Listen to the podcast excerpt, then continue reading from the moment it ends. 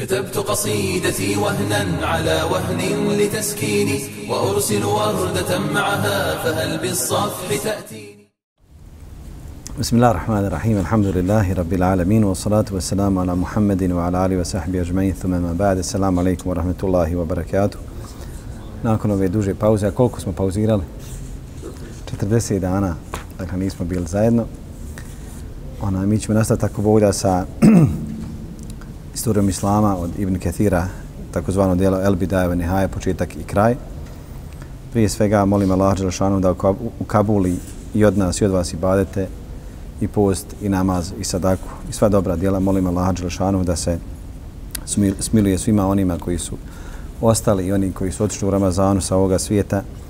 Molim Allah Đelšanu da dade svako dobro svima onima koji su proveli ovaj mjesec u ibadetu žudeći za Allahom te barak tala milošću i da nam Ramazan ne bude samo jedan period u kojem se ona, insan više posveti ibadet nego drugim mjesecima jer gospodar Ramazana je gospodar i Ševala gospodar Ramazana je gospodar i Zulkadeta i Zulhidžeta i Muharrema i Ređepa i onaj svih mjeseci hidžetskih tako da nemojte zanemarivati vrijednost nijednog drugog dana, dakle, mimo Ramazana. Mi smo na našem zadnjem druženju završili jednu temu koja se sjeća o čem smo pričali zadnjem. Tera, jeste Moavija radijallahu anhu, njegova smrt. Zatim početak e, Ibn Kathir rahmehullah ta'ala kaže ovdje njegovog hilafeta, u suštini to je bilo kraljevstvo, jer je on ostavio svome sinu u nasjestvo kraljevinu i to je bila prva kraljevina, jednostavno prvi kralj u islamu je bio Muavija radijallahu anhu wa arda. Prisega se dala njegovom sinu Jezidu u mjesecu Ređepu 60. godine. Njemu tad bilo 34 godine. E, Jezid nikoga nije smijenio onaj od onih koji je postavio njegov otac i to je bilo dakle od njegove mudrosti jer nije htio da pravi probleme, da pravi onaj e, prelome u, u, onaj u islamskom svijetu a njegov, dakle, ta njegova vladavina je obilježena jednim neslavnim događajem oko kojeg ima mnogo kontraverzi, kad kažem kontraverzi, nesigurnih informacija, nepotvrđenih informacija, izmišljenih informacija, jer mi znamo da istoriju piše ko? Ko piše istoriju? Pobjednici. Uvijek pobišu pobjednici. Istorčara ima puno. Pa mi ovdje citiramo onaj, šta ja znam, Al-Waqdija, čija većina predaja, predaja slabi, Ibn Omera, također njegova većina onaj predaja stvari Omera, uh, jednog od istoričara, čija je većina predaja slabih, Leithija i tako dalje, mnogo njih se spominje ovdje kod Ibn Kathira rahmehullah ta'ala, osim što Ibn Kathir rahmehullah ta'ala je bio sam po sebi istoričar, sam je bio čovjek muhadis i onda mnogo događaja je on, uh, dakle, provjereno zapisivao u El Bidaje Van Nihaje. Taj događaj koji se desio, koji, kaže, ima mnogo nesuglasica, mnogo kontraverzi, zloupotreba, od onih koji sebe pripisuju islamu, a ja počesto kažem, nema ništa sa islamom, to jeste šijama, to jeste ubistvo, ubistvo Huseina radijallahu anhu varda. Malo prije sam rekao da je on dakle, ostavio namjesnike onako kako su bili namjesnici u vrijeme njegova oca, pa je napisao Velidu ibn Utbi, bismillahirrahmanirrahim, od jezida emirul muminin, Velidu ibn Utbi. A zatim Kaže, Muavija je bio samo rob od Allahovih robova, Allah ga je počastio, zatim ga je postavio kao namjesnika, a onda ga je onaj učvrstio i dao mu vlast na zemlji. Živio je po kaderu, umro je sa eđelom, neka mu se Allah smiluje, živio je pohvaljen, a umro je kao dobročinitelj, bogobojazan i neka ti je selam. Zatim je napisao na jednom malom papiriću, Ibn Kathir kaže papirić veličine mišijeg uha, kaže, a zatim nađi Huseina i Abdullaha ibn Omera i Abdullaha ibn Zubeira i uzme od njih prisegu. I to na čim žešći način, to jest čim strožije, bez da im daješ bilo kakve olakšice, olakšice sve dok ti ne daju prisegu i neka je selam, odnosno neka ti je selam.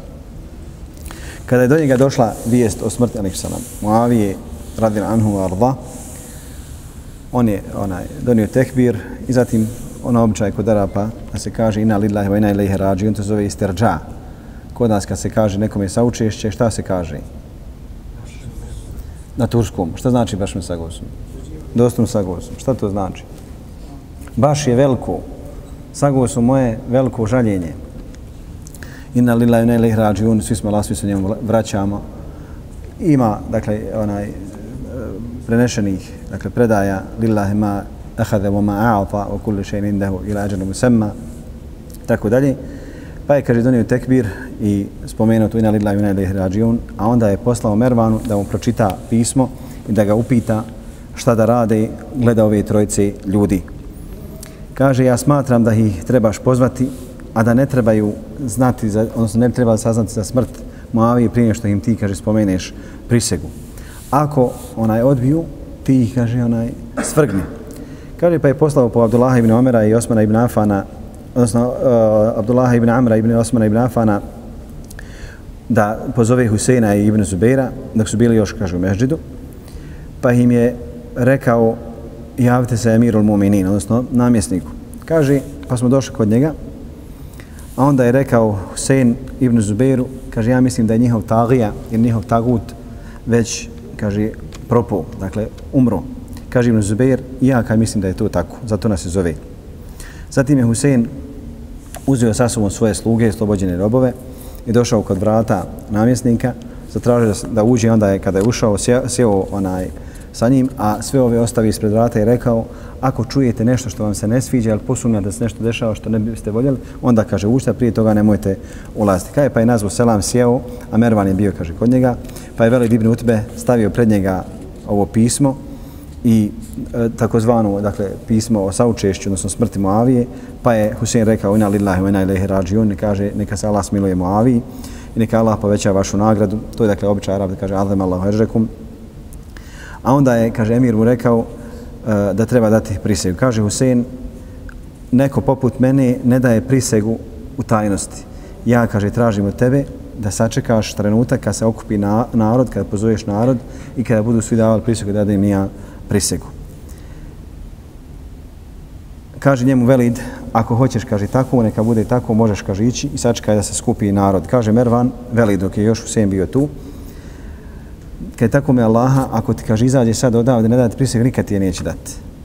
Dakle, on te samo kaže zamajava. Nego kaže zatvori ga, nemoj, kaže, dozvoliti da bude uzrokom ubistva velikog broja muslimana, da se muslimani pobijaju, ratuju jedni sa drugima. Nemoj, ga, nemoj mu dati, kaže, da odavde izađe, sve se ne okupe ljudi, kad se okupe ljudi, dadni mu, nek, odnosno na redu nek dadni prisegu, a ako neće, onda i njega svrgne. Kaj, kaže onda Ibn Kathir, pa je ustao Husein, kaže, ja Ibn Zerqa, hoćeš me, kaže, ti ubiti. Kaj tako me Allaha lažiš i griješnik si. Zatim se, kaže, okrenuo, otišao u svoje kuće, a Mervan je rekao, veli, tako mi, kaže, Allaha, posle ovoga trenutka nikada više kaj nećeš vidjeti. Kaže, veli, tako me Allaha, Mervane, draže mi je onaj, sve što, uh, ne bi, kaže, volio da mi Dunjalu pripada ono što je na njemu, a da ja, kaže, budem uzrok ubistva Huseina. Neka je Allah uzvišen. Kaj da ubijem Huseina, samo zato što je rekao da neće dati prisegu ja kaže smatram da onaj ko ubije Huseina, dakle u Velid ibn Utbe govori Mervan, kaže ja smatram da onaj ko ubije, ubije Huseina, da će njegova vaga dobrih dijela na sudnjem danu biti lahka, to jest neće imati dobrih dijela. Zatim je Velid poslao Abdullahu ibn Zubeiru, pa je Abdullah ibn Zubeir odbio prisegu, odugovlačio je dan i noć, a zataj, zatim je Ibn Zubeir nakon dana i noći se uputio sa svojim svojim slugama, robovima i svojom porodicom, uputio se prema Meki, odnosno krenuo prema Džaferu, a onda su se uputili prema Meki. A Velid je potrez za Ibn Zubeirom poslao jednu skupinu ljudi, međutim nisu mogli ništa. Neki kažu da se sa njim susreli, onda, onda da se odbrani od njih i da su ona izgubili onaj, kako da kažem, nije to bila bitka, ali su ga pokušali privesti i nisu uspjeli u tome. Husein ibn Ali je bio već uh,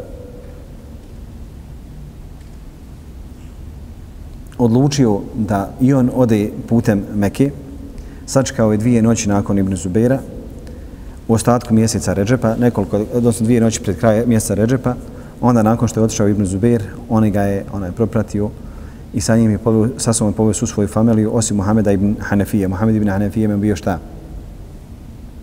Brat. Rekao je tako me Allaha, brate, draži si mi, kaže, od svega na ovoj zemlji, a ja ti se, ja te kaže savjetujem, nemoj da ulaziš u naselja poput ovih naselja. Dakle, nemoj da budeš u velikim gradovima gdje se može napraviti velika fitna, nego idi pa živi negdje u pustinji i u pijesku. Šalji, kaže, ljudima pisma i pozovi ih nek ti dadnu prisegu.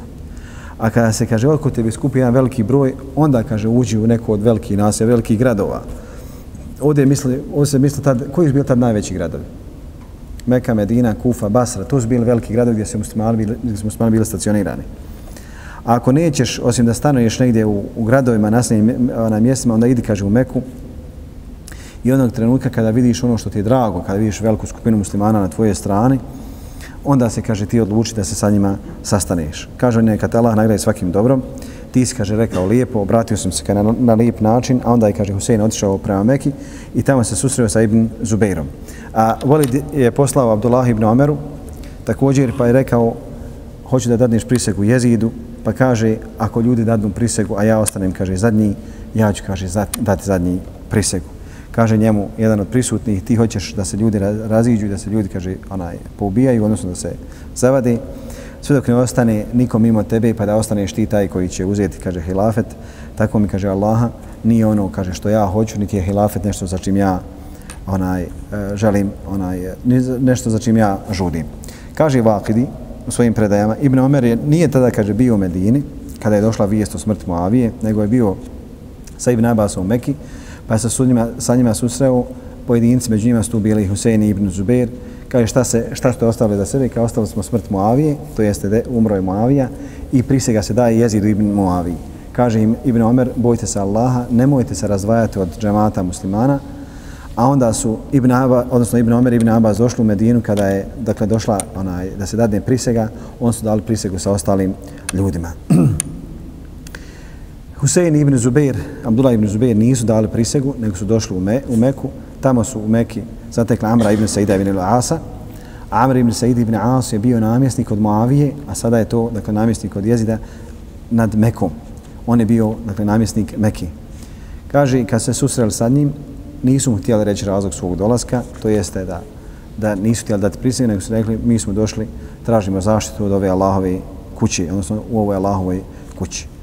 Ove godine je u Ramazanu Jezid ibn Muavija smijenio Velida ibn Utbu u Medini zbog toga što je dopustio da mu onaj izađu uh, Ibn Zubeir i Husein iz Medine. A onda je Medinu pripojio pod vladavinu Amra ibn e, Sejdu ibn Asu zajedno sa Mekom.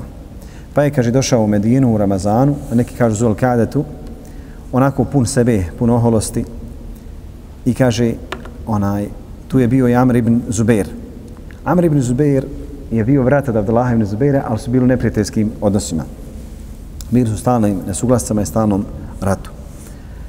Pa je, kaže, Amr ibn Said poslao izaslanike u Meku da se bore protiv Zubaira, a u sahihima, odnosno vjerodostojnim predajama stoji da je Ebu Šurejh el-Huzai rekao Amr ibn Saidu, dok je slao izaslanike u Meku, dozvoli mi da ti kaže samo prenesem jedan hadis od Allahov poslanika sallallahu alejhi ve sellem na dan nakon što je Allahov poslanik sallallahu alejhi ve sellem oslobodio Meku od mušrika. Ova moja dva oka su halal, ova moja dva, dva uha su čula. Ja ću onaj što je rekao koju postupku porati. Ona, ova moja, moja dva uha su čula i ovo moje srce shvatilo kad je Allahov poslanik sallallahu alejhi ve sellem progovorio, zahvalio se Allahu i pohvalio ga onako kako to njemu dolikuje kaže Meka je Allahov haram, Allah ju je zabranio i ni, svakome od ljudi nije dozvoljeno ubijanje, odnosno ratovanje u Meki nikome prije mene, niti nekom poslije mene, osim što mi je Allah dozvolio jedan samo trenutak dana. To je taj trenutak kad je Allah poslanik sa sam ušao u Meku i dakle, nije dolazlo do borbe. Zatim je, kaže, njen hurmet, dakle, njega, njena svetost Meke, ostala do dana današnjega, kao što je bila jučer, neka prisutni prenesu onima koji nisu ovdje. A u jednoj i drugoj predaji kaže, Ibn Kathir rahmehullah ta'ala ovdje navodi, kaže, fein ahadun tarahasa bi qital Rasulillahi fima yakulun, ako neko bude rekao, pa Allahu poslanih sallallahu sallam se borio u Mekki, onda reci, inna Allaha yadhana Rasulihi wa lam jadhan lekum. Allah je dozvolio svome poslaniku, nije dozvolio vama. Pa je rečeno Ebu Šurejhu, šta ti kaže posle toga rečeno, kada je rečeno mi je, mi kaže najbolje, odnosno mi bolje znamo od tebe, jeba Šurejh, U haremu se ne može sakriti neposlušnik, niti onaj koji bježi sa, dakle, odmazdom, odnosno koji bježi od odmazde i krvi, niti onaj ko želi da rastroji stroj ili saf muslimana.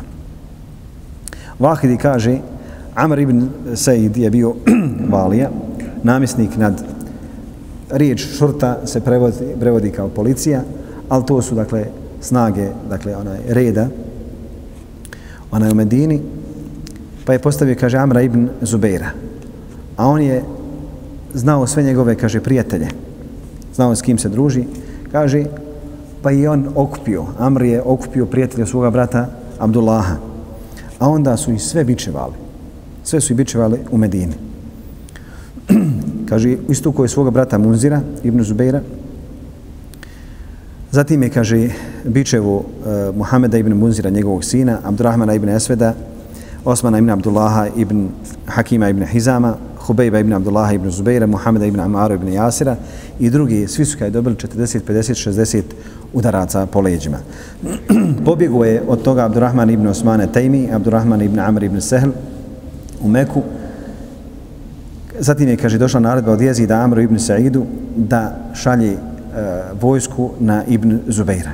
A vojska je trebala ići gdje na? Na Meku. ja sam, ako se sjećate, kad smo govorili dakle, o ovim poglavljima, kad smo završavali istoriju, dakle, tek stvaranje čovečanstva i prvi poslanika, pa sam rekao, kad, budem, kad sam rekao sam, kad budemo govorili o fitnama, vidite šta su stvari fitne. Dakle, šta se dešavalo u vrijeme tabina i pojedinih ashaba. I mi nismo svjesni, dakle, kolika fitna nastane i samo kad se muslimani raziđu oko dvije stvari. Oni nisu znali da mi možemo imati tri prijesnika, a oni nisu mogli imati nikako dvije halife. Allah da im se smiluje. Kaže, pa je naredio da mu Ibn e, Zubeira dovedu sve dok mu ne dadne prisegu onako kako to on bude htio u džami gdje on boravio. Kaže Ibn Zubeir, Haris ibn Khalid ibn Mahzumi je odbio da klanja kao imam u Meki, a bio je namjesnik od Amra ibn Saida. Tamo, kaže, pa je onda Amr odlučio se da onaj njega smijeni sa nekim drugim. Međutim, Mekom je zavladao Ibn Zubair, Pa je onda zatražio Damra ibn Saida i Amra ibn Zubaira kako da se izmiri, odnosno kako da se ove dvije stvari, onaj, odnosno kako da se ove dvije strane dogovori oko zajedničke riječi. Zatim se rasprava vodila u Darul Hilafel, Darul Mulk, to jeste kod jezida, koga poslati da se bori protiv njega. Kaže, koga god pošalješ, dakle, nikomu ne može biti ravan, ne može njemu parirati. Kaže, pa onda se javio njegov brat, Amr, rekao, ja se borim protiv svoga brata, pošaljite mene na Meku. Pa je, kaže, kao predvodnika vojske postavio Unejsa ibn Amra, el Eslamija, sa 700 boraca. Vahidi kaže, njih je Jezid ibn Muavija onaj, sam lično izabrao i onda i on lično poslao. Nakon toga je poslao Amr ibn Saidu, pa je poslao dopis da će mu doći vojska, a onda je Uneis odsio u mjestu Džurf, poznato danas mjesto u Saudijskoj Arabiji, a onda je Mervan ibn Hakem rekao Amr ibn Saidu, da ne napadaju Meku i da ostave Ibn Zubeira. Pa kaže, Ibn Zubeir, nemaš, kaže, korist da ga ubijaš u Meki, a ako, kaže, ga ne ubiješ, uskoro će umreti, već je star čovjek. Kaže, Amr ibn Zubair, tako mi Allaha, mi ćemo, kaže, napasti na njih, pa makar se sakrilo unutar čabe. Sviđalo se, kaže, tome kome se sviđalo i ne sviđalo kome ne sviđalo. Kaže Mervan, tako mi, kaže Allaha, i meni kaže, drago to što si rekao. Kaže, pa onda Uneis i njegova vojska krenula sa Amrom ibn Zubairom, sa onaj e, sa onima koji su se priključili na putu, bilo je oko dvije hiljade, sve da nisu došli do mjesta Abtah. Neki kažu da je zastao kod, mje, kod svoje kuće na Safi, a onda je Unejs zastao na mjestu Tua. Amr ibn Zubeir je predvodio ljude u namazu i kaže, kad bi klanjali, Amr ibn Zubeir doveo vojsku od koga? Od jezida. I kad bi se proučio kamen da klanjaju, ustane iza njega ko? Njegov brat Abdullah ibn Zubeir. Stane da klanja. I onda kad završim s namazom, on ode tamo u svoj tabor, ode unutar u harem, a ovaj čeka kad će da doći do, do bitki. Kaže njemu, Amr, obraća svom bratu Abdullahu, dadni, kaže, prisegu halifi, dođi na takav i takav način tu i tu, onaj, u tom i tom svojstvu, nemoj, kaže, dozvoljavati da se, da muslimani ratu jedni protiv drugih. Boj se Allaha, ti si, kaže, u zemlji haram, to jeste svetoj zemlji. Kaže, pa je onda Abdullah poslao izaslenike i ga recite, mome bratu da ćemo se susresti u mešćitu, to jeste pobićemo se unutar mešida. Pa je Abdullah ibn Zubair poslao Abdullaha ibn Safana ibn Umeju sa jednom skupinom, pa su se borili protiv Amra i onaj e, i onoga Unejsa, Leslamija, pa je Unejs izgubio bitku. Dakle, jezdo voj, vojska je izgubila bitku, a onda je e, dao, su, kaže, prisegu svome bratu, Amru, da će ga, onaj, da, da će ga poštediti. A onda, kaže, kada je ušao, on ga je svezao i za svakog onoga koji je bičevan u Medini, njega bičevo. Dakle, svog brata bičevo. Kogo je dobio 40 udaraca, 40, 60, 60, 50, 50, koliko je bilo, 10, 15, 20, sad će dobiti sve udarce za njih. I kaže da ga, da ga je zatvorio u mjestu Arim, pa se onaj, ostalo je onaj naziv za taj zatvor Arima. Neki kažu da Amr ibn Zubair nije izdržao udarce, da je umro od bičevanja. U tom vremenu, dakle, kada se dešavaju te onaj, stvari, Husein odlučuje da napusti Meku, da krene prema Jezidu i to sa ciljem, odnosno da krene u Kufu sa ciljem da napravi novi hilafet, to jeste da uh, se odvoji od hilafeta Jezida i da napravi on svoju državu unutar Iraka. Husein ibn Ali ibn Abi Talib, Abdul Talib ibn Hisham, Eba Abdullah al-Huraši al-Hashimi, jedan od uglednika dženneta, šehid, Kerbeli, sin kćeri Allaha, poslanika sallallahu alaihi sallam, Fatime te Zahra, njegov, njegova, njegovo uživanje na dunjaluku, dakle Allahovog poslanika sallallahu alaihi sallam, rođen je posle svoga brata Hasana, neki kažu da između njega i Hasana ostalo je samo, kaže, jedno mjesečno čišćenje i trudnoća njegove majke, da je, dakle, rođen nakon samo deset mjeseci nakon svoga brata rođen je u mjesecu Šabanu, petog Šabana, četvrte godine po Hidži. Husein je bio sasvim sušta suprotnost, suprotnost od svoga brata Hasana, jer je Hasan radijallahu anhu onog trenutka kada je pripao hilafeti, kada je su ljudi dali njemu prisegu, on je prisegu dao kome? Muavi, jer je Allahom poslanik sallallahu to smo govorili, nagovijestio da će Allah subhanahu wa ta'ala njime, to jest on će biti sebebom da se izmiri dva velika tabora muslimana. Ubijen je u petak na dan Ašure 10. Muharema 61. godine u 54. godini onaj svoga života i šest mjeseci. Radi Allahu anhu warda. Od Allahovog poslanika sallallahu sallam se prenosi da ga Allahov poslanik sallallahu sallam namazao hurbom na ustima sedmi dan, pljusnuo mu usta i onda mu Allahov poslanik sallallahu sallam dao ime Husein. Njegov otac mu je dao ime Harb, pa je Allahov poslanik sallallahu alejhi ve sellem promijenio Husein, neki kažu da se zvao Džafer, neki kažu da je imao drugačija imena, Allah najbolji zna, a sedmi dan je zaklao takozvanu akiku za njega. Džema, odnosno halalte, grupa ili skupina prenose od Israila, od Ebu Ishaka, od Hanija, Ibn Hanija, od Alije radi Alanu da je rekao Hasan je ličio na Allahova poslanika sallallahu alejhi ve sellem portretu, dakle od prsa prema gore, dok je Husein ličio na Allahova poslanika sallallahu alejhi ve sellem od prsa pa dolje, dakle imao njegovo tijelo, dok je Hasan imao lik Allahova poslanika sallallahu alejhi ve sellem. Davno kada je meni jedan šija došao da me daveti, da me poziva u kufr, kažem ja njemu onaj odveo on meni tamo one su njihove sinagoge i crkve i, i u vremenu smo bili mi u Iranu kad smo išli na studiranje, dakle sve je to ispunjeno slikama koje kakvim bakračima i prikazama i ne možeš klanjati. Dakle, mi smo tražili od ovih koji su nas čuvali, mi od njih mi ne možemo odkladati pa ove slike u konta. To su bile velike slike Homeine i Hamnejic uglavnom bili i ovamo su bile koje kakve slike freske i svašta nešto. I onda gdje god dođeš nema namaza, ne možeš to uklanjati. Ali oni klanjaju. Uglavnom se klanja se džumovi namaz, nikad nisam čuo da se, nismo nikad vidjeli da se neki namaz klanja, samo smo mi klanjali stakvirova. Neko će reći lažiš. Idu u Iran pa ćeš vidjeti. I došao mene daveti, spominjao meni tako i pokazuje meni slike Hasana Huseina Ali Radilana. Ja gledam one klasične perzijanske slike iz nekadašnjih bajki, to kod nas mogu je samo dakle, Meša Selmović i Ivo Andrić da nacrtaju. Alehi majeste hakun min Allah.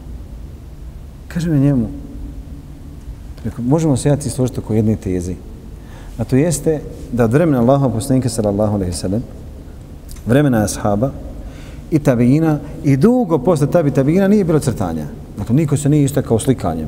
Nemamo, ima li islamski umjetnika? Kaj islamska umjetnost? Šta ti islamska umjetnost? Islamska umjetnost, bar kada bi fik bila je koplje, sablja, strila. to je bila njihova umjetnost. Nisu ništa drugo znali. Bili su fakihi i bili su muđahidi. Mi je bilo treće skupine među njima.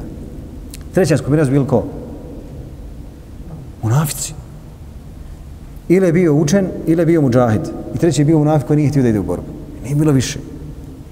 Kaže, hajde, složit ćemo se. Hipotetički, rekao, može hipotetički. Kako god hoćeš. Hajde, rekao Allah, ti reci mi, kako ste i nacitali? Kako ste izvukli ovako ovaj crte lica, obrve, brada, kraća brada? Kaže on po predajama. Rekao, slažem se. Michelangelo, dovedi ga, i ja ću da vam pričam kako izgleda moj džedo.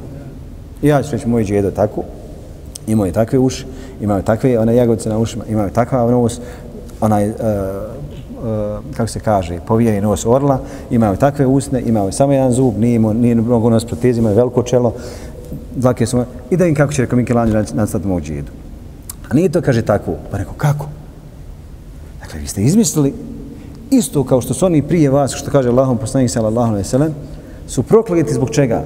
Zbog toga što kada neko od njihovi dobri ljudi umro, on bi ga ukopali na to mjesto, napravili nad njim bogomolju i onda slike su slikali da bi ljudi ih obožavali, prisjećaju se toga koji je dolu kaburu, a nema veze on od njih sa onim slikama. E tako ste rekao, isto, isto vi šije uradili. Pripisuju isto islamu i muslimana, istoriji islama. Elevne se, ta rasprava se vodila nekoliko mjeseci, on je nama svakodnevno dolazio i onaj, na kraj kraja ja sam njemu rekao, nismo bosanci tvrdoglavi, mi nečega kad se onaj uhvatimo, držimo se, teško ćeš nas rekao krenuti na to, plus što od toga neko nema hajra i rekao tebi najbolje bila primiš islam. I nije više nikad ni došao.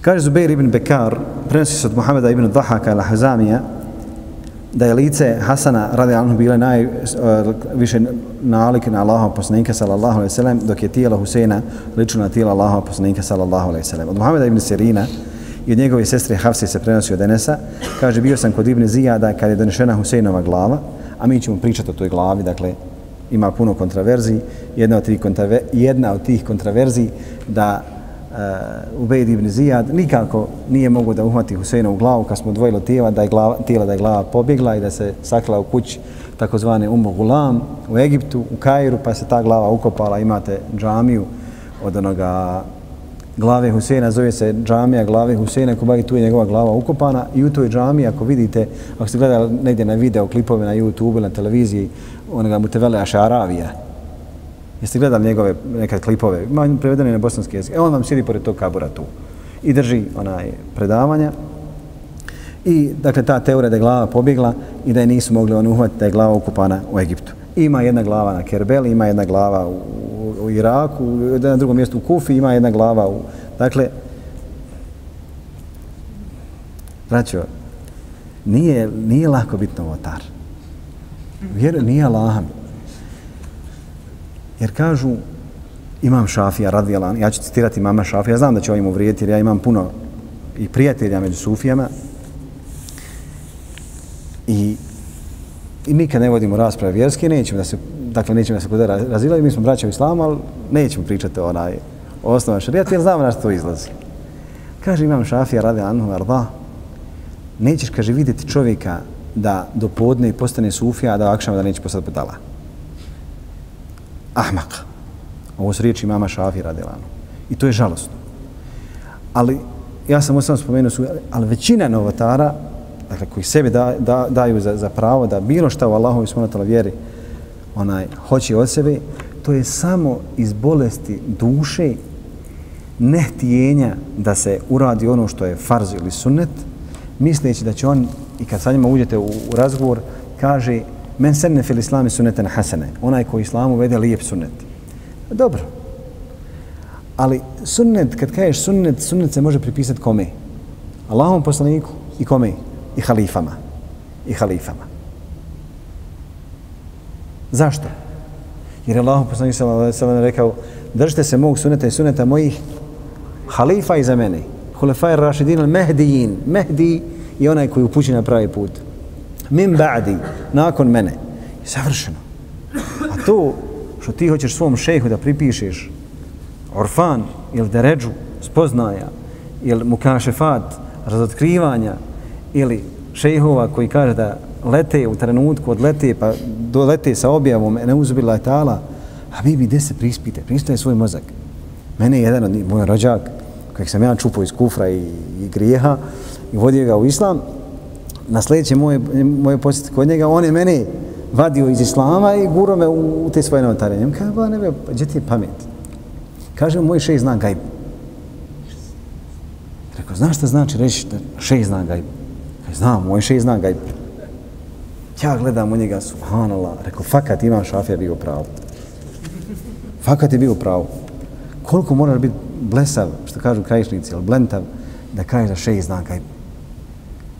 Gajb ne zna niko osim Allaha te barek vetala, pa ni poslanik, niti bliski melek.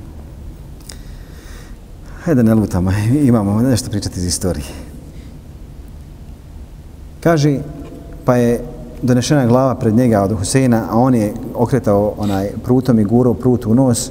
Kaže, nikoga nisam vidio sličnijeg ljepotom kao što je bio sličan Allahom poslaniku sallallahu alaihi veselem. Sufjan kaže, rekao sam u ibn e, Ebi Zijadu, jesi vidio Huseina? Kaže, jesam. Kaže, imao je crnu kosu i bradu, osim, kaže, nešto malo, kaže, bijeli dlaka ovdje, ku našeg vrata. Onaj, kaže, nešto malo ovako bijeli dlaka ovdje. Kaže, ne znam, jel se, kaže, farbu, dakle, jel farbu bradu, pa je ovdje ostavio zato što je, kaže, tako bilo isto i Allahova poslanika, sallallahu alaihi sallam, ovo je bilo kaj crno, ovo je bilo bijelo.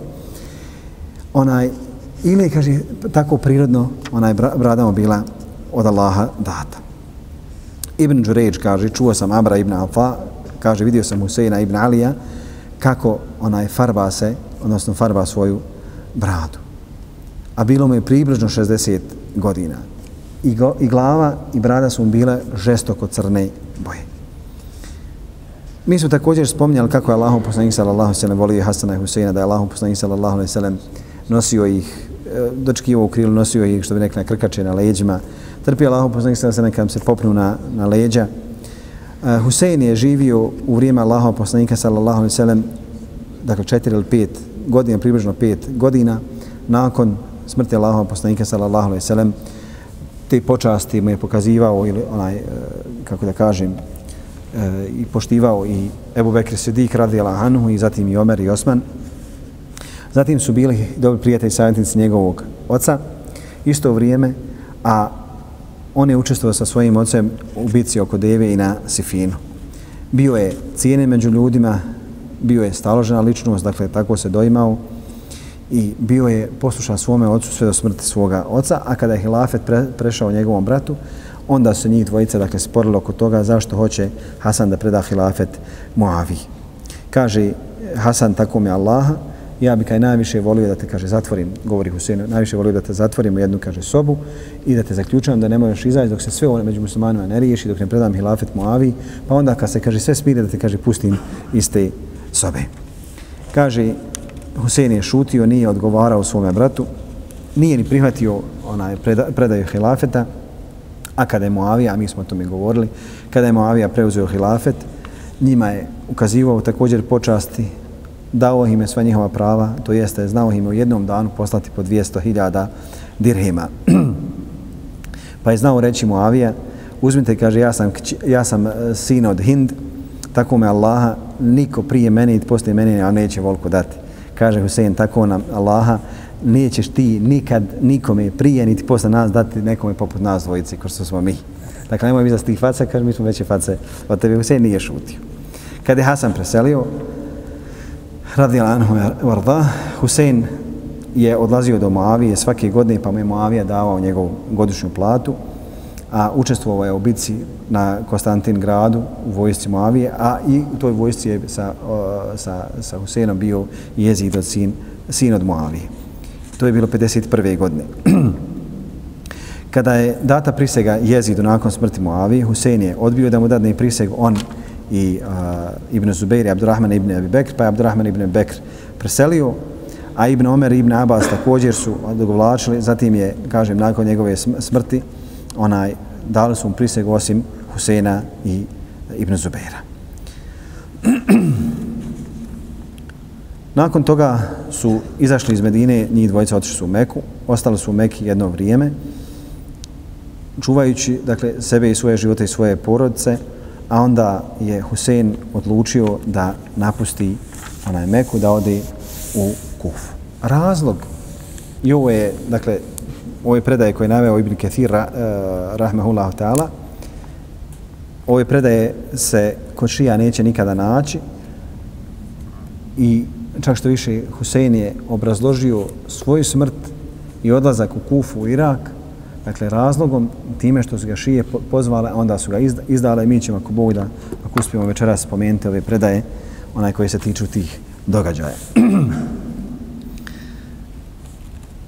Mnogo su pisama poslali iz Iraka pozivajući Huseina radi Anhu da im dođe nakon što su čuli da je umro Muavija, dala priseka jezidu. Tražili su od njega da napusti Meku i da onaj ne dadne prisegu jezidu, jezidu kao što nije kao što nije ni dao. A onda je kod njega došao u posjetu Abdullah ibn Seba Hemedani i Abdullah ibn Wail. Sa sobom su nosili koje kakva pisma i čestitke, čestitali su smrt Muavije. Došli su kod Huseina desetog dana Ramazana te godine, a onda su, kaže, nakon sebe slali mnoge druge izaslanike, među njima Kajsa ibn Musira, Dadaja, Abdurrahmana ibn Abdullaha, Al-Kewa, Al-Arhabi, Amar ibn Abdullaha, Salulija, i sa njima su poslali oko 150 pisama Huseinu, a ta sva pisma su sadržavala poziv od porodce plemena. Dakle, ima, na, na primjer, Hođići iz Bosne i Hercegovine, Hođića ima najviše u Bosne i Hercegovine, svi Hođići iz Bosne i Hercegovine, Huseina, hajde dođi nam. Na primjer, svi Beganović, svi Beganović. Koliko ima Beganović u Bosni? I ima toliko. 2700, 2700. I tako poslao 150 pisama, dakle da će ga dočekati svi oni u Kufi.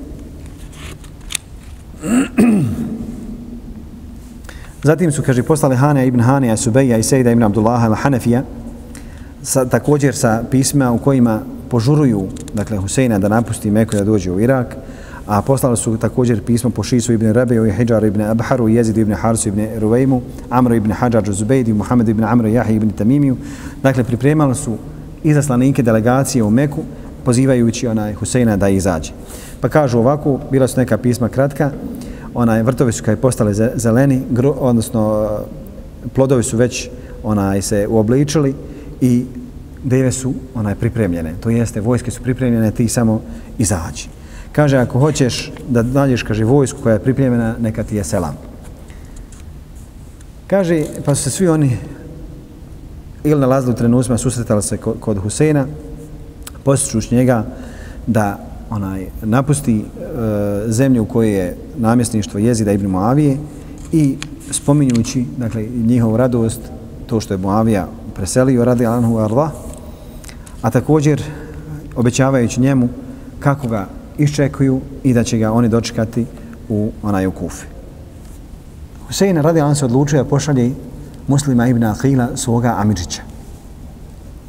Da ga pošalje u Irak i da provjeri šta se dešava u Iraku, je li stvarna situacija onako kako, kako su oni opisali, kako su oni njemu obe, obećali.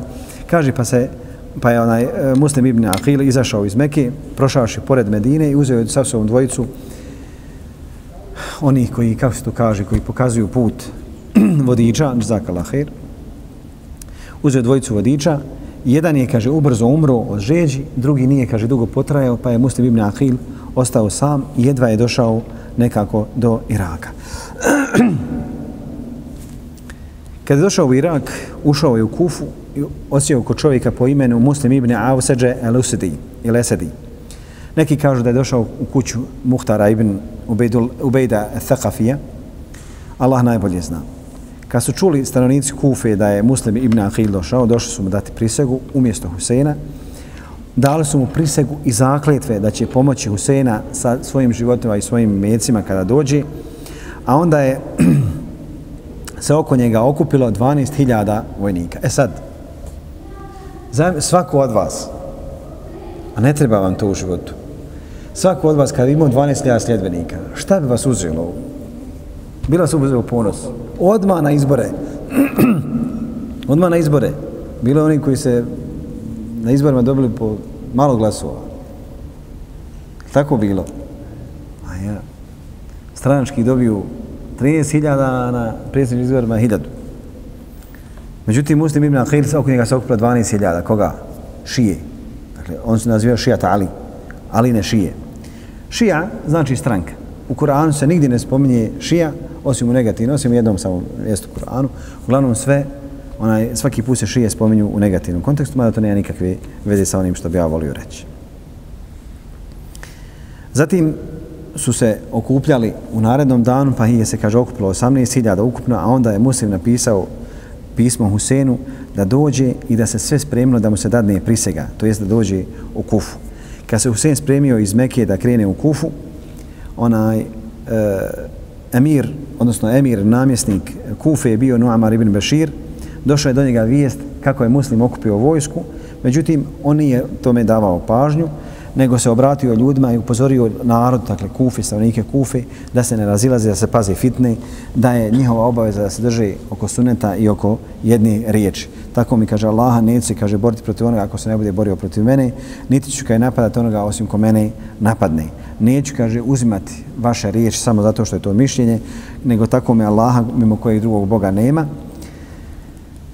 ako vi, kaže, odvojite se od svoga imama, to jest vašog vođe, ja ću se, kaže, boriti protiv vas sve dok onaj bude na ovoj sablji išta od željeza. Dakle, makar se sva istrcala, ja ću se, kaže, sa njom boriti protiv vas. Kad je neko od njih ustao, neki kaže da je to bio Abdullah ibn Muslim ibn Šuab al-Hadrami, pa kaže, ova stvar ne pripada nekome koji je slab, odnosno neko mora biti jak.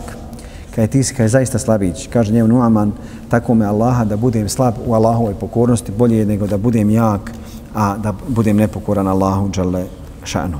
Zatim je napisao pismo i poslao po jednom čovjeku jezidu obavještavajući šta se dešava u Kufi, pa je jezid poslao Imaru ibn Uhbu i Amra ibn Sa'da ibn Abi Vakasa, a onda je jezid smijenio Nuamana u Kufi jer je smatrao da nije dostojan da se bori protiv ovi, odnosno ove pobune. Pa je postavio namjesništvo Kufe u Bedula ibn Zijadu zajedno sa Basrom. Njega je na to nagovorio Sarđun, eh, oslobođeni rob Jezida ibn Muavije, a Jezid ibn Muavije ga je pitao uvijek za mišljenje, pa kaže Sarđun, ako hoćeš, ako bi prihvatio od Muavije da ti ovo rekao da je živ, kaže bi, kaže prihvati to i od mene, kaže kufom ne može vladati osim Ubejdula ibn Zijad. A mi smo govorili, ako sjećate, da je Ubejdula ibn Zijad ibn Ebi bio šta? Šta je bio njegov otac Zijad?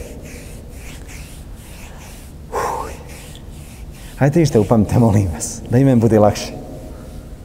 Braćo, ja sam tefsir držao osam godina ovdje. Tačno osam godina je heftu sam sjedio ovdje, samo s tefsirom. Reci. Dijete. Brat od Muavije, ali od druge materije koja nije bila vjenčana za Zakalahir. Pa smo pričali o njemu da je bio krvolok i on i da je bio njegov sin Ubejdula krvolok. Jezid nije volio Ubejdullaha ibn Zijada, Htio ga je smijeniti u Basri, a onda zbog spleta događaja dao da namjesništvo Bas, Basri i Kufe pripadne njemu. Zatim je Jezid napisao Ibn Zijadu, kaže, kada dođeš u Kufu, potraži ili traži Mustafa Ibn Ahila, ako možeš nađi ga, prvo ga nađi, ubij, ako ne možeš, onda ga protjeraj iz Kufe. Zatim je poslao Muslim Ibn Amru al-Baheliju, također onaj pismo i dogovor, a onda je da mu pomogne, a onda Ibn Zijad iz Basre krenuo u Kufu. Kad je došao u Kufu, ušao je tako što je namotao onaj šal oko, oko glave i nije ostavio ništa osim o, očiju. Kad god prošao kraj neke skupine ljudi, poselamio se, a oni su govorili alaikum salam, alaikum salam, dobro došao Ibn Resulillah, misleći da je ušao u, u Kufu. Husein radi Allahu jer su u tom trenutku iščekivali, muslim je već poslao da, da Husein dođe onaj u Kufu i mnogo je ljudi iščekivalo i znali su da će Husein doći u Kufu. Uh, Ubejd je ušao u Kufu sa 17 konjanika, pa je rekao Muslim ibn Amr, dakle došao je zajedno sa, sa njima od vojske od jezida, maknite se, ovo je emir Ubejdula ibn Zijad. Kaže, kad su saznali da se radi o Ubejdula ibn Zijadu, teško im je to palo, a onda je, kaže, Ubejdullah im to, kaže, potvrdio i zatvorio se u, u palači onaj namjesnika Kufe.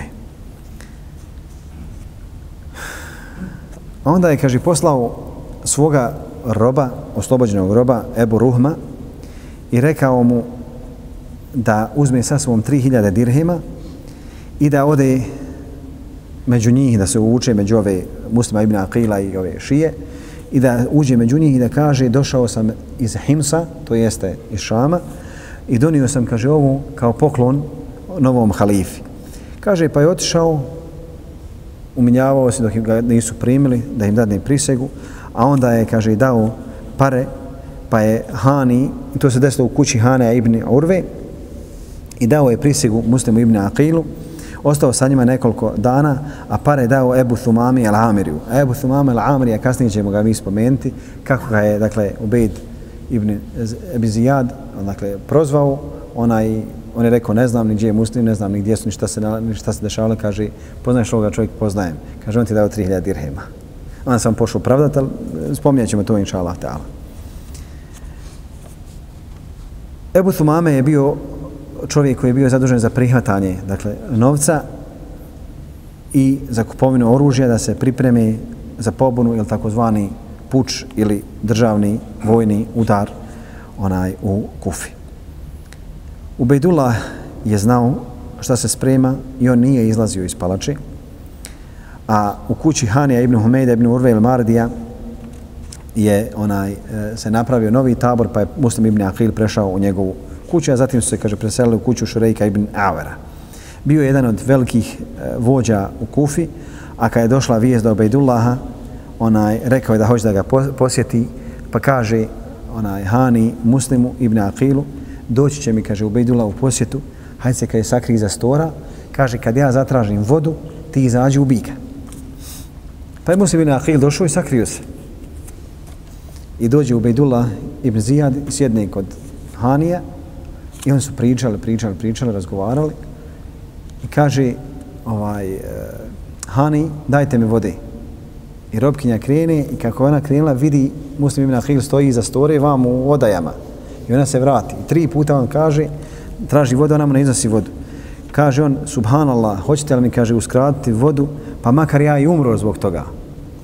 Kaže, pa je Mehran, dakle, koji je bio sa Ubejdom, skontu, shvatio da se priprema njemu onaj svrgnuće, pa kaže on njemu, hajmo, pripreme, hoće da te ubiju. Kaže, pa su izašli. Pa je onda Hani pitao Muslima ibn Akhira, šta ti je, kaže, bilo? Kad je tako me Allaha, ništa me, kaže, nije zadržalo, osim što je Allahom poslanik sa sallam rekao, el imanu didl fetek, uh, iman je suprotno od izdaji.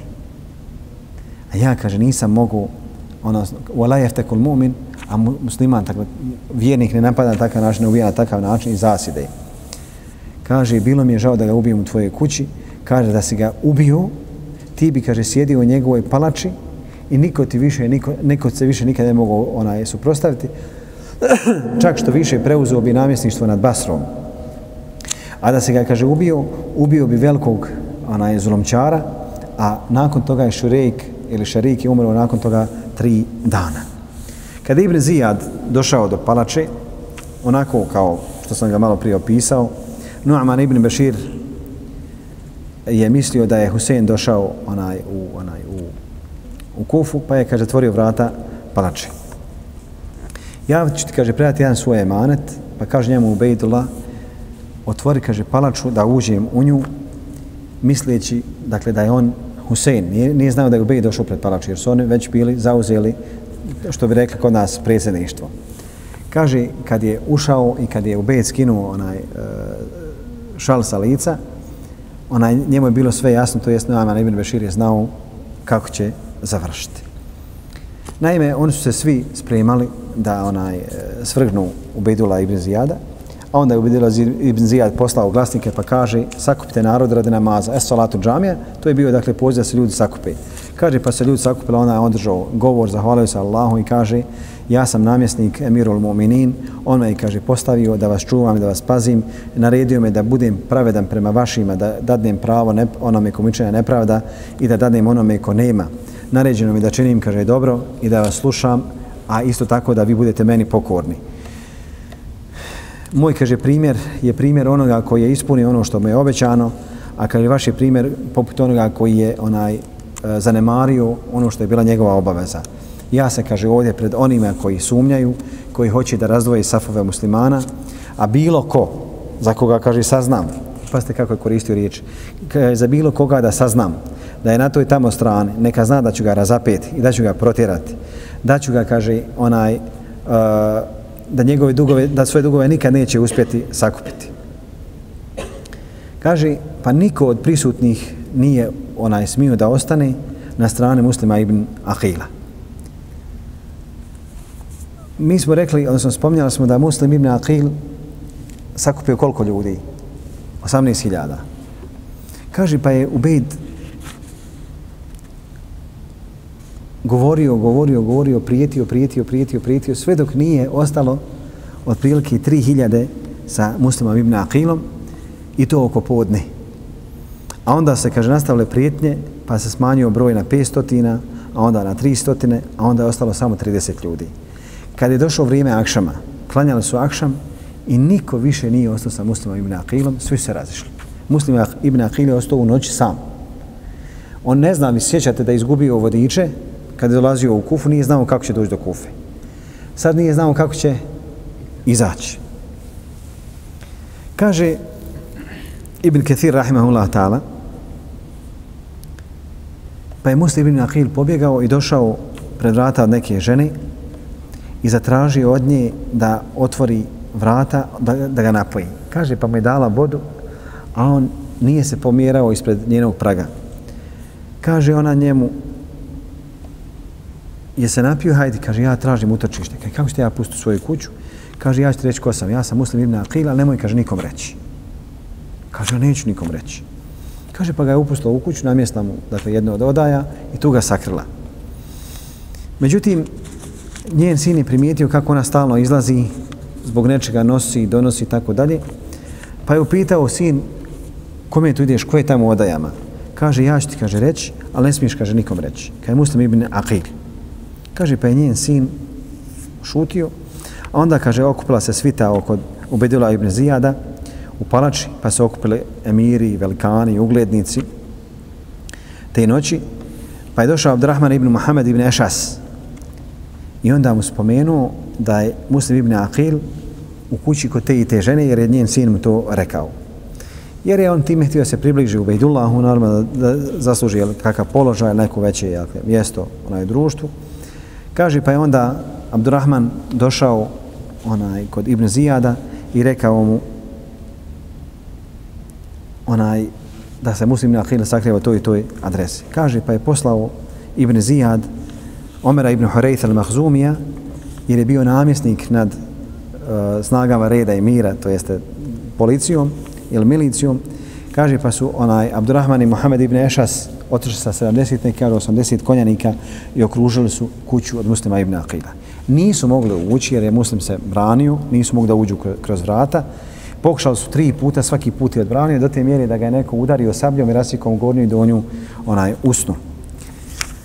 A onda su ga gađali kamenjem, palili su oko kuće vatru, ne bi ga istjerali.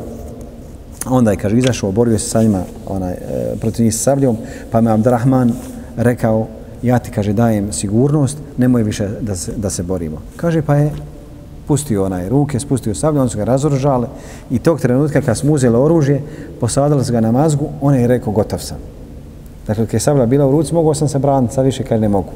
Kaže, znao je da, da će biti ubijen, pa je zaplakao. Pa mu je neko rekao, niko ne radi ono što si ti uradio i želje za onim što si htio, a da plače. Kad je tako malaha, ne plačem ja zbog sebe, ne plačem zbog Huseina i njegovi, njegovi žena i djece i sve familije koje poveo ovamo i najviše bi, kaže, volio da mu se onaj mogu javiti, pa je zamolio Muhameda ibn Ešasa i kaže on Muhammed ibn Ešasu, ako, može, ako možeš, molim te pošalji Huseinu pismo u moje ime i reci, naređujem ti da se vratiš. Kaže, pa je Muhammed ibn Ešas napisao onaj pismo uh, Huseinu radi Anhu, ali Husein kad je dobio to pismo na doma Kerbeli, rekao ja se neću vratiti, ja idem tamo gdje sam krenuo. kad su doveli muslima Ibn Aqila pred palaču kod onaga Ubejda, on je bio sav u krvi, bio je salomljen, tražio vode da mu se dadne, nisu mu htjeli dati vodu, nego su mu rekli ti si harurija, ti zaslužuješ da budeš u džehennemlija, kaže on ovome kojim se obratio, tako me Allaha, ti spreči džehennemu nego ja. Kaže, pa mu je neko donio onaj e, čanak vode i krpu da se obriše, da se obriše od krvi. Kaže, pa krv mu je toliko tekla onaj vod, da tri puta je pokušao sam ne može. Kaže, kad je stavio onaj čanak na, na, na usta, ispala su mu ova dva, dakle, ovaj, zuba, prednja zuba, dvije jedinice gornje, ispala smo čanak. I on je uspio kad je gutlja popiti vodi, kaže, hvala Allahu koji mi je dao, kaže, hada risku maksuman šurbet al ma. Ovo mi je kaj je zadnji od nafake na onda da napijem se ovaj gutlja vodi, gotovo je. Ja kad je znam da više nemam od ovoga, onoga života ništa. Kaže, kada je uveden kod Ibn Zijada, kažu on njemu, zar nećeš, kaže, poselamte mira? Kaže, nemam potrebe da ga selamim. Kaže, što će ga selamte, hoće da me ubije. Ako me, kaže, ne ubije, ja ću njega kaj puno selamte. Ako ostanem, kaže, živim, kaj ne ću ga salamiti. Kaže, Ibn Zijad, kad je došao pred njega, kaže, ja Ibn Ahil, hoćeš kaj da razdvojiš safove muslimana i da pocipaš, odnosno da, da onaj, zavadiš muslimane, kad je tako me Allah, nisam rad toga došao, nego su kaj stanovnici ovoga grada smatrali da je tvoj otac pobio njihove uglednike, proljevao njihovu krv, činio je među njima ono što čine Kisra i Hajser.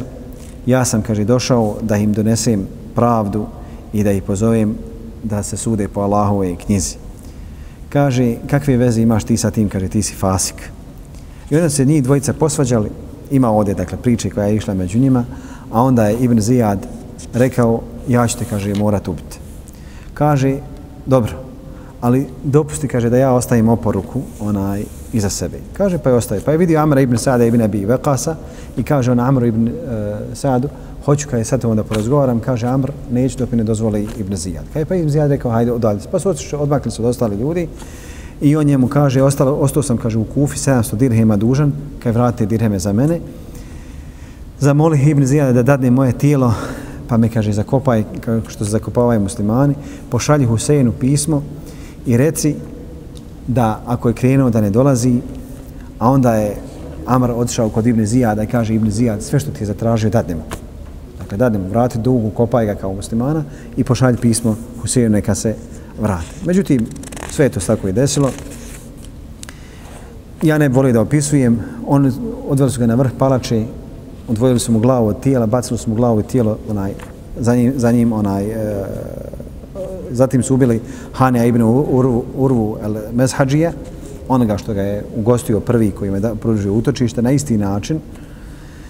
I na taj način je Muslim ibn Ahil završio i više je se znalo da Husein nema gdje doći. Tari, koliko već malo vakta? Koliko je minuta? Koliko? Ne, vezi, skra, neću još dugo skraću, zato što ovo predavanje predugo, treba čet, pet predavanja o smrti Huseina radi Alanu, ali skraću inša Allah ta'ala. Nakon toga je Ubejdula ibn Zijad izašao među stanovnike i Basre i onda se obratio stanovnicima Basre zbog onoga što se sve izdešavalo, pa je poslao uh, uh, svoje zaslanike na sve strane, između ostalog poslao jednog izaslanika i Huseinu radi Alanu u Arda pa ga opomenuo šta ga čeka i kako se, šta će mu se desiti, tako dalje. Međutim, Husein Radio Anhu je ustrojavao da, odnosno nastavio svoj put prema Kufi i nije nijednog trenutka posustao. Kaže, pa je Husein znao i bio ubeđen da će, da će izgubiti glavu na tom putu, jer je već saznao šta se desilo onaj unutra u Kufi, to jest da je Muslim ibn Aqil ubijen i da su ga svi izdali. I to je Husein i opi, opisivao. Muslim ibn Aqile izašao iz Kufe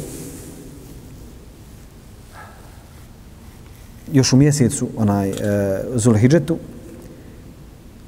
odnosno prema Kufi a ubijen je u četvrt, odnosno u srijedu devetog Zulhidžeta to jeste ubijen je u mjesecu onaj svetom mjesecu i to na dan Arefata 60. godine Husein je već krenuo iz Mekke krenuo je prema Iraku te iste godine, nekoliko dana dakle, nakon njegovog ubijstva, iako je Husein radi lanu pred njega su dakle, došli svi, upozoravali ga, čak što više došlo mu je pismo od muslima Ibn Aqila i u tom pismu stoji nemoj, kaže, ići ovamo, ja ti, kaže, pišem ovo pismo, a ostavljen sam od sviju. nećeš kaj doći osim što nećeš biti ubijen. Vrati se sa svojom, kaže, porodicom, nemoj da te zavaraju stanovnici Kufe. Oni su, kaže, bili prijatelji tvoga oca, pa znaš šta su mu radili. Ti znaš da ništa drugo nema osim smrti ili ubijstva. Stavnici Kufe lažu, meni su slagali, a lažu nema mišljenja. Dakle, lažu ne može imati stav. Kaže Ibn Ešas, tako me Allaha, ja ću, kaže, onaj, e, reći Ibn Zijad da sam dao sigurnost za ovo. Kaže, međutim, Husein radi Allah, Ibn Kathir spominje ovdje, kaže, Husein uprko s tom pismu, on je nastavio svoj put, a o svojstvima njegovog izlaska iz Mekke mi ću inšala sljedeći put govoriti i sa kim sve je raspravljao, sa kim je ušao sa trojicom Abdullaha u raspravu i sa onaj, ostalim ashabima koji su ga savjetovali da, da ne idu. Wa sallallahu ala sayyidina wa nabina Muhammadu wa ala Muhammadu zakum Allah khairan jazak. كتبت قصيدتي وهنا على وهن لتسكيني وأرسل وردة معها فهل بالصفح تأتي